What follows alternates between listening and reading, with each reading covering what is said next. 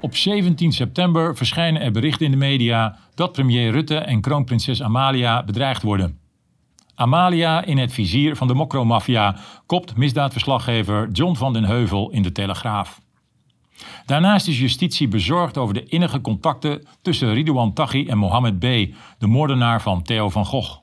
De twee zaten bij elkaar in de EBI in Vught, schrijft John. Omdat de contacten te innig waren, werd B. overgeplaatst. Sindsdien sturen de twee brieven met Koranversen naar elkaar, waarin volgens justitie mogelijk gecodeerde boodschappen zijn verwerkt. Let op het woordje mogelijk. Kamerlid Ulisse Elian eist onmiddellijk ingrijpen van de minister. Gecodeerde boodschappen, schrijft John. Welke gecodeerde boodschappen het zijn en hoe hij dit weet, vermeldt John niet. John zou wel een lijntje hebben met justitie of het NCTV. John is tenslotte de ongekroonde koning van de misdaad sinds de moord op Peter R. de Vries. John wordt ook beveiligd. John is daar reuze trots op. Door wie John bedreigd wordt, vertelt John niet. Maar neem van John aan dat het waar is. John vertelt altijd de waarheid. Naar aanleiding van de bedreigingen aan het adres van Amalia zegt onze minister van Justitie en Veiligheid Jessil Gus bij WNL: De georganiseerde misdaad is een fundamenteel probleem.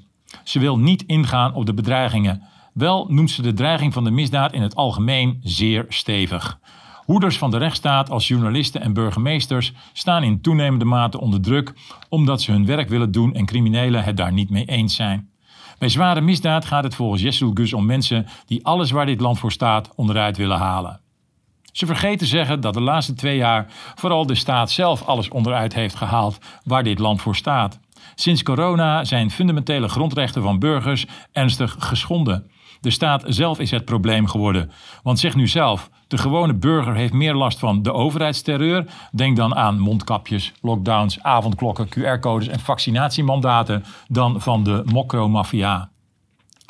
In de jaren 80 en 90 heb ik veel zware misdaadverslagen verslagen, samen met legendarische misdaadverslaggevers als Hendrik Jan Kortering, Leo van Rooyen en Leon de Galan. Zware criminelen opereren het liefst in de luwte. Zware criminelen willen onder de radar blijven. Zware criminelen gebruiken alleen geweld tegen andere zware criminelen als ze belazerd zijn of de ene crimineel aan de vrouw van de andere crimineel heeft gezeten. Prinses Amalia bedreigen is het domst wat een zware crimineel kan doen. En neem van mij aan, zware criminelen zijn niet dom. Naar aanleiding van de briefwisseling tussen Taghi en Mohammed B. wil minister Yessul Gus het regime in de EBI aanscherpen. Ze vindt dat er voor deze criminelen van de buitencategorie een ander regime moet gelden. Een andere regime. Onze minister weet niet waar ze het over heeft. De EBI is een ander regime. Deze jongens hebben al te maken met het strengste regime. Ik kan het weten. Begin jaren 90 maakte ik het unieke fotoboek Alweer een dag over drie Nederlandse gevangenissen. Twee jaar lang fotografeerde ik in penitentiaire inrichting Veenhuizen, Huis van Bewaring Rotterdam en de EBI in Vught. Vooraan staan gedichten van gedetineerde Klaas. Nog er eentje voordragen van Klaas. Als ik mijn cel moet schrobben, doe ik meteen de ruiten. Lekker knus hier, het is goed koud buiten.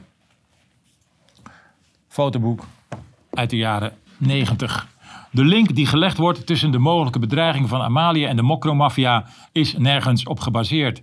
Het lijkt compleet uit de NCTV-duim gezogen en klakkeloos doorgegeven door John van den Heuvel, alias het doorgeefluik. Ridouan Taghi liet via zijn advocaten weten dat de beschuldigingen absurd zijn. Ik zou nooit een kind in gevaar brengen, schrijft hij in een verklaring. Op 14 oktober duiken er nieuwe berichten op over de bedreigingen aan het adres van Amalia. Over de bedreigingen aan Rutte geen woord meer. Maar waarom zou je überhaupt een 18-jarige prinses bedreigen? vraagt RTL zich af. Deskundigen komen aan het woord. Een van hen is Emiel Koolthof, hoogleraar criminologie aan de Open Universiteit. Je moet in scenario's denken, zegt Koolthof. Daar heeft onze hoogleraar gelijk in. Zelf ben ik een groot voorstander van. Niets is immers wat het lijkt. Dat is het al jaren niet. Maar sinds, sinds 2020 is niets meer wat het is. We leven meer en meer in de omgekeerde werkelijkheid. Het tegengeluid wordt geweerd. De vaccins zijn goed. Poetin is de nieuwe Hitler. Out of the box denken is dus juist nu heel belangrijk. Je fantasie gebruiken, onderzoek doen en tegelijkertijd de juiste vragen stellen. Wie heeft een belang en vooral welk doel kan gediend worden om in dit geval deze bedreiging naar buiten te brengen? Eigenlijk is het niet gebruikelijk om bedreigingen in de media breed uit te, te meten. Hier wordt dat wel gedaan. De vraag is natuurlijk waarom. Rutte wil er geen antwoord op geven, maar professor Kolthoff komt met een aantal mogelijke, mogelijke scenario's. Scenario 1. Het zou kunnen dat men eigenlijk niet de bedoeling heeft een dreigement uit te voeren, maar onrust wil zaaien. Dat kan uit wraak zijn, de overheid op kosten jagen en het land op zijn kop zetten, gewoon omdat het kan. Met men bedoelt, bedoelt Kolthoff de georganiseerde misdaad. Inderdaad kan dit een scenario zijn, maar het land op zijn kop zetten omdat het kan, lijkt mij een onzinnig en te simplistisch motief, gezien vanuit het perspectief van de georganiseerde misdaad. Bovendien, bovendien staat het land hiervan niet op zijn kop. Van corona en H-maatregelen staat het land wel op zijn kop. Laten we dus alles wel proportioneel houden. Scenario 2 volgens de hoogleraar, de afleidingsmanoeuvre. Misschien is men, iets heel, misschien is men iets heel anders van plan en wil men, de georganiseerde misdaad dus, zo de aandacht van de veiligheidsdiensten afleiden. Je weet dat deze diensten alles uit de kast zullen trekken om kopstukken van de regering of leden van het Koninklijk Huis te beveiligen en zo deze diensten te overbelasten. Al dus Kolthof. De afleidingsmanoeuvre is zeker een scenario, maar een afleidingsmanoeuvre om de diensten te overbelasten lijkt mij ook een scenario onmiddellijk naar het Rijk der Fabelen te verwijzen. Zelf was ik aanwezig bij de coronademonstraties op het Museumplein en het Malieveld. Daar heb ik weer de macht van de staat van dichtbij gezien. Alles werd uit de kast getrokken om een paar honderd coronademonstranten hun grondrecht, namelijk demonstreren, te ontnemen. Duizenden agenten, helikopters, drones, paarden en waterkanonnen werden ingezet om het gewone burgers onmogelijk te maken te demonstreren tegen absurde maatregelen als anderhalve meter, mondkapjes, verplichte vaccinaties en lockdowns. Miljoenen burgers zijn bedreigd door de staat, door onze eigen regering. En voor wat? Voor een virus dat niet gevaarlijker is dan de griep. Dat was na een paar maanden al duidelijk. Er is krankzinnig veel geld, politie en propaganda ingezet om mensen over te halen zich te laten vaccineren. Als de staat net zoveel mankracht en geld zou inzetten tegen de georganiseerde misdaad, zou de georganiseerde misdaad niet bestaan. Maar dat is natuurlijk niet de bedoeling. De georganiseerde misdaad blijkt ineens heel handig te zijn voor de overheid. Je kan de georganiseerde misdaad als het uitkomt gebruiken en van alles in de schoenen schuiven. In dit geval dus de schuld geven van een mogelijke bedreiging van Amalia, zonder ook maar met één greintje bewijs te komen. Maar wie hebben er dan belang bij? Wat zou erachter kunnen zitten en waarom? Sinds de coronamaatregel is het land verdeeld. Aanvankelijk leek het erop dat de staat aan het kortste eind zou trekken. De angstporno van de overheid deed zijn werk. Maar langzaam kwamen er meer en meer barsten in het narratief. De spuit werkt niet zoals beloofd. Steeds meer burgers zien dit en voelen zich in de maling genomen. Steeds minder mensen geloven de overheid nog. Het vertrouwen in de politiek is tot een dieptepunt gedaald. Via WOP-verzoeken komt de COVID-zwendel aan het licht. We deden het niet voor opa en oma, maar voor farmaceuten als Pfizer en Moderna. De prikschade mag niet aan het licht komen, dan breekt de totale paniek uit onder de bevolking. De stikstofcrisis is het volgende verzonnen probleem. De boeren hebben, hebben het gedaan. Maar wat hebben ze eigenlijk gedaan? Het verhaal wankelt. Veel burgers geloven het niet meer. De boeren en de vissers moeten weg. Ons voedsel moet uit fabrieken van multinationals gaan komen. Overal in het land verschenen omgekeerde vlaggen. De oorlog in de Oekraïne is veel complexer dan wordt voorgesteld. President Zelensky blijft als een hongerig babyvogeltje roepen om nog meer wapens, wapens, wapens. Zijn gekrijs is uitgewerkt. De gecreëerde energiecrisis raakt de mensen in de portemonnee. De wookpraatjes en reclames komen mensen de strot uit. Kukshu, de aanvoerder van Feyenoord, wil geen one love bandje om. Goed zo Kukshu, laat je niet voor het verdeel- en heerskarretje spannen. De grenzen blijven open voor kansloze asielzoekers die geplaatst worden in kleine dorpjes in plaats van bij Kaag, Rutte of Maxima in de straat. De propaganda van onze regering en elites is uitgewerkt en komt als een boemerang terug in hun eigen gezicht. Mensen geloven het niet meer. Het dieptepunt was de rijtour van Maxima en koning Willem op Prinsjesdag. Het volk hield ons uit, Willem. Ze houden niet meer van ons. Hoe kan dat toch? Doe iets, Willem, verzin een list. Dit kan niet zo doorgaan, zei Maxima in haar gouden kooi. Ik ben geen oranje fan. Ik sta niet te zwaaien met een vlaggetje op Koningsdag. Ik ken het volkslied niet uit mijn hoofd. Maar ik ben ook geen republikein. Ik wil een koningshuis best het voordeel van de twijfel geven.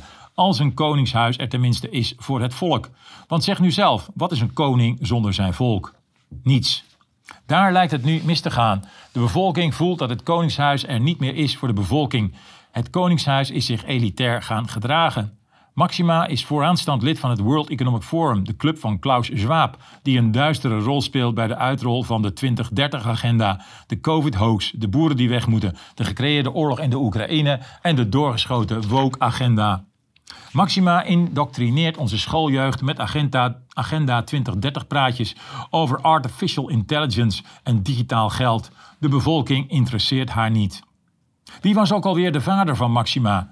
Het is voor Thierry Baudet maar goed dat zijn vader geen minister van Landbouw is geweest tijdens het fascistische bewind in Argentinië onder, van, onder leiding van dictator Videla. Koningin Beatrix had ook niet de warme uitstraling van haar moeder, koningin Juliana. Ik herinner mij nog een prachtige scène van haar uit de Barend Servet Show uit 1972. Goedemiddag, majesteit, zegt Barend Servet als zij de kamer van Juliana betreedt, die met een tijltje op schoot de spruitjes zit schoon te maken. U zult wel denken wat onze vorstin nu zit te doen. Ik ben ook maar een gewoon mens. Ik maak de spruitjes schoon. Dat vind ik leuk werk. Weet je wat zo fijn is? De gewone volkse mensen doen dit ook.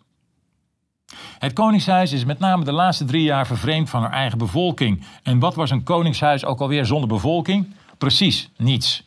Het uitjoelen op Prinsjesdag moet een enorme schok zijn geweest. Willem, doe er iets aan. Verzin een list. Het Koningshuis is natuurlijk omringd door experts, psychologen, deskundigen, PR- en marketingprofessoren en mensen als Emiel Kolthoff, die weten hoe je de bevolking weer achter je kan krijgen. Het zijn mensen die zijn gaan geloven in hun eigen spinsels, die arrogant zijn geworden en niet meer naar de eenvoudige oplossingen zoeken als terug naar de menselijke maat. Het is niet voor niets dat de Oranjes op Koninginnedag het land ingaan en met wc-potten gooien. Dat is wat het volk wil. Een koningshuis dat gewoon is. Precies wat Juliana uitstraalde. Warmte en menselijkheid. De warmte en de menselijke maat is er door de spinners van de staat uitgespind. Het Koningshuis heeft in de moeilijke coronatijd nauwelijks van zich laten horen. Ze waren er niet voor de bevolking. Simpelweg omdat ze onderdeel zijn van Agenda 2030, die achter de COVID-hoax schuil gaat. Maxima is lid van globalistische, elitaire politieke clubjes. Het Koningshuis is ver van de bevolking komen staan. Het joelen tijdens Prinsjesdag maakte dit pijnlijk duidelijk. Het volk is lastiger voor de gek te houden dan de spinners denken. Het is zoals hoogleraar Kolthoff het zei, alle scenario's bekijken. Zelf vergat hij er één te noemen. De mogelijkheid dat de bedreiging is verzonnen. Dat er geen sprake is van een echte bedreiging, maar van een nepbedreiging. Net als van het nepvirus en de nepvaccins. Hoe krijgen we het volk weer achter ons, vragen de spinners zich af. In plaats van terug te gaan naar de menselijkheid en de spruitjes, is het snode plan bedacht om middels een bedreiging van een onschuldige prinses de bevolking weer achter het koningshuis te spinnen. De mensen krijgen medelijden met Amalia en gaan weer achter het koningshuis staan, kan de simplistische redenering zijn. Je mag wel protesteren, maar blijf met je vingers van onze Amalia af. Ik hoor het mensen al verontwaardigd roepen in de huiskamers. Maar wie moet de prinses dan bedreigen? vroeg een van de spinners. De georganiseerde misdaad, riep een andere spinner. Een fictieve, imaginaire vijand, net als een virus, stikstof en CO2. We moeten er vragen over stellen. We moeten net als hoogleraar Kolthoff scenario's bekijken. We moeten het narratief in twijfel trekken, net als het COVID-narratief en de oorlog in de Oekraïne. Waarom lopen de andere prinsessen nu geen gevaar? Is een logische vraag die onmiddellijk opdoemt.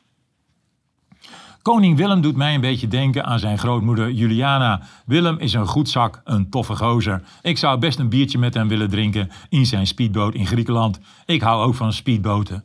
Maak niet normaal wat niet normaal is, zei hij aan het begin van de coronacrisis.